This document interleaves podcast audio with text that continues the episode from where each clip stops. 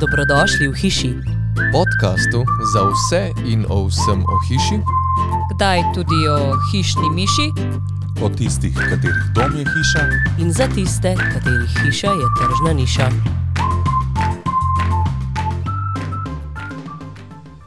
Slovenci si želijo videti zasebne domove. To je tisto, kar je recimo bilo že v pilotski vdaji in je še vedno. To je, ne more nekdo potrkati, pozvoniti pa vprašati, joj, jaz bi pa rad videl, kam, kako imate pri vas noter. Ne? Mi pa to naredimo in damo možnost gledalcem, da to vidijo in to je tista zadeva, ki je že odskos ideja, da odpiramo vrata v domove slovencov. In kako težko je prepričati slovence, da pa odprejo vrata svojih domov in jih pokažejo ostalim? Na začetku ni bilo lih preprosto, no, predvsem, ko, ko ne vejo, za kakšno vrsto oddaje gre. Ampak po pravici povem, da, da zdaj to sploh ni težko več. Številnim je že v čast, če jih mi pač povabimo, oziroma povprašamo, če bi lahko posneli njihove domove smo nekako le dobili en tak renome, da smo kvalitetna oddaja, nismo v stilu reality show, ni, ne ukvarjamo se s stvarmi, ki niso.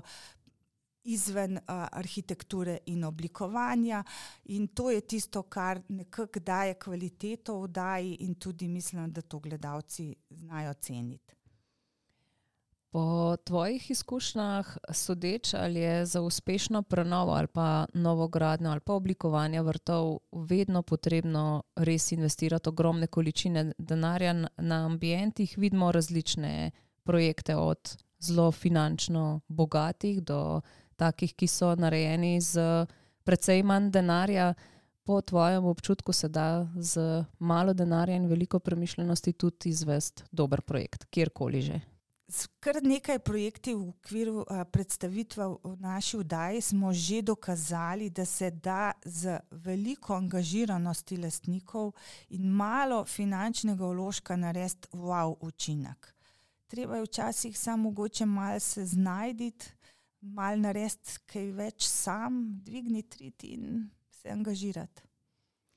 So pa vseeno nekatere oddaje, ki požanjajo veliko večjo gledanost ali pa ponovno gledanost od nekaterih drugih. Kaj je po tvojem mnenju tisto, kar naredi recimo oddajo pa res posebno ali pa da ima visoko gledanost? Zdaj, koncept vsake oddaje je tak, da jo sestavimo tako, da je čim bolj različna, da se v, mogoče gledalec najde vsaj v enem od teh prispevkov. Se pravi, da je neka tradicionalna hiša, neko supermoderno stanovanje in nek vrt. In včasih se prav sprašujemo, čem je razlika. No, Meni se zdi, da je tista osebna izpoved lastnikov bistvena, ki prepelje nekako gledalca še bolj v srčiko tega doma in te njihove osebne izkušnje, ki so jih imeli z gradnjo, s prenovo, mogoče tudi, da zaupajo, kakšen je bil strošek te prenove gradnje, tisto je, kar gledalca privlači posebni objekti, tudi recimo neke, neke gradnje, ki so neobičajne, ne vem, neke hiške pod zemljo, ne vem, gradnje na strmini in pa predvsem gledanost je najvišja, kadar predstavimo prenove. Prenove hiš, predvsem hiš teh iz 70-ih let, tega fondusa je v Sloveniji največ nenaseljenega, podedovanega in zdaj ta druga generacija, recimo, recimo vnuki, ki ga podedujejo od detkov in babic, želijo ta, to gradnjo prenoviti sodobnemu času oziroma sodobnemu življenju primerno. Kako pa ti vidiš odnos med lastniki in arhitekti? A Slovenci zaupamo arhitektom in dajemo proste roke, ali smo radi zelo vključeni? Zelo smo radi vključeni.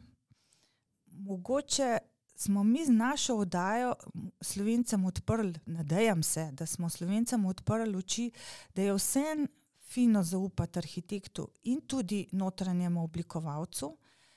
Ker v končni fazi nismo vsi majstri za vse, kar smo recimo naši starši bili primorani biti v 70-ih letih, samo graditeljstvo in tako naprej. Se mi zdi, da se skozi bolj pro, nekako zaupa arhitektom in mi tudi spodbujamo sodelovanje lastnikov z arhitekti in tudi notranjimi oblikovalci. Ne vem, primer, stanovanje z, z minimalno kvadraturo.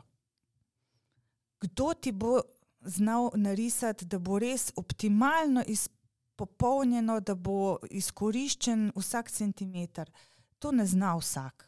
Dajmo zaupati notranjemu oblikovalcu, da bo naredil iz minimalne kvadrature maksimalni dom.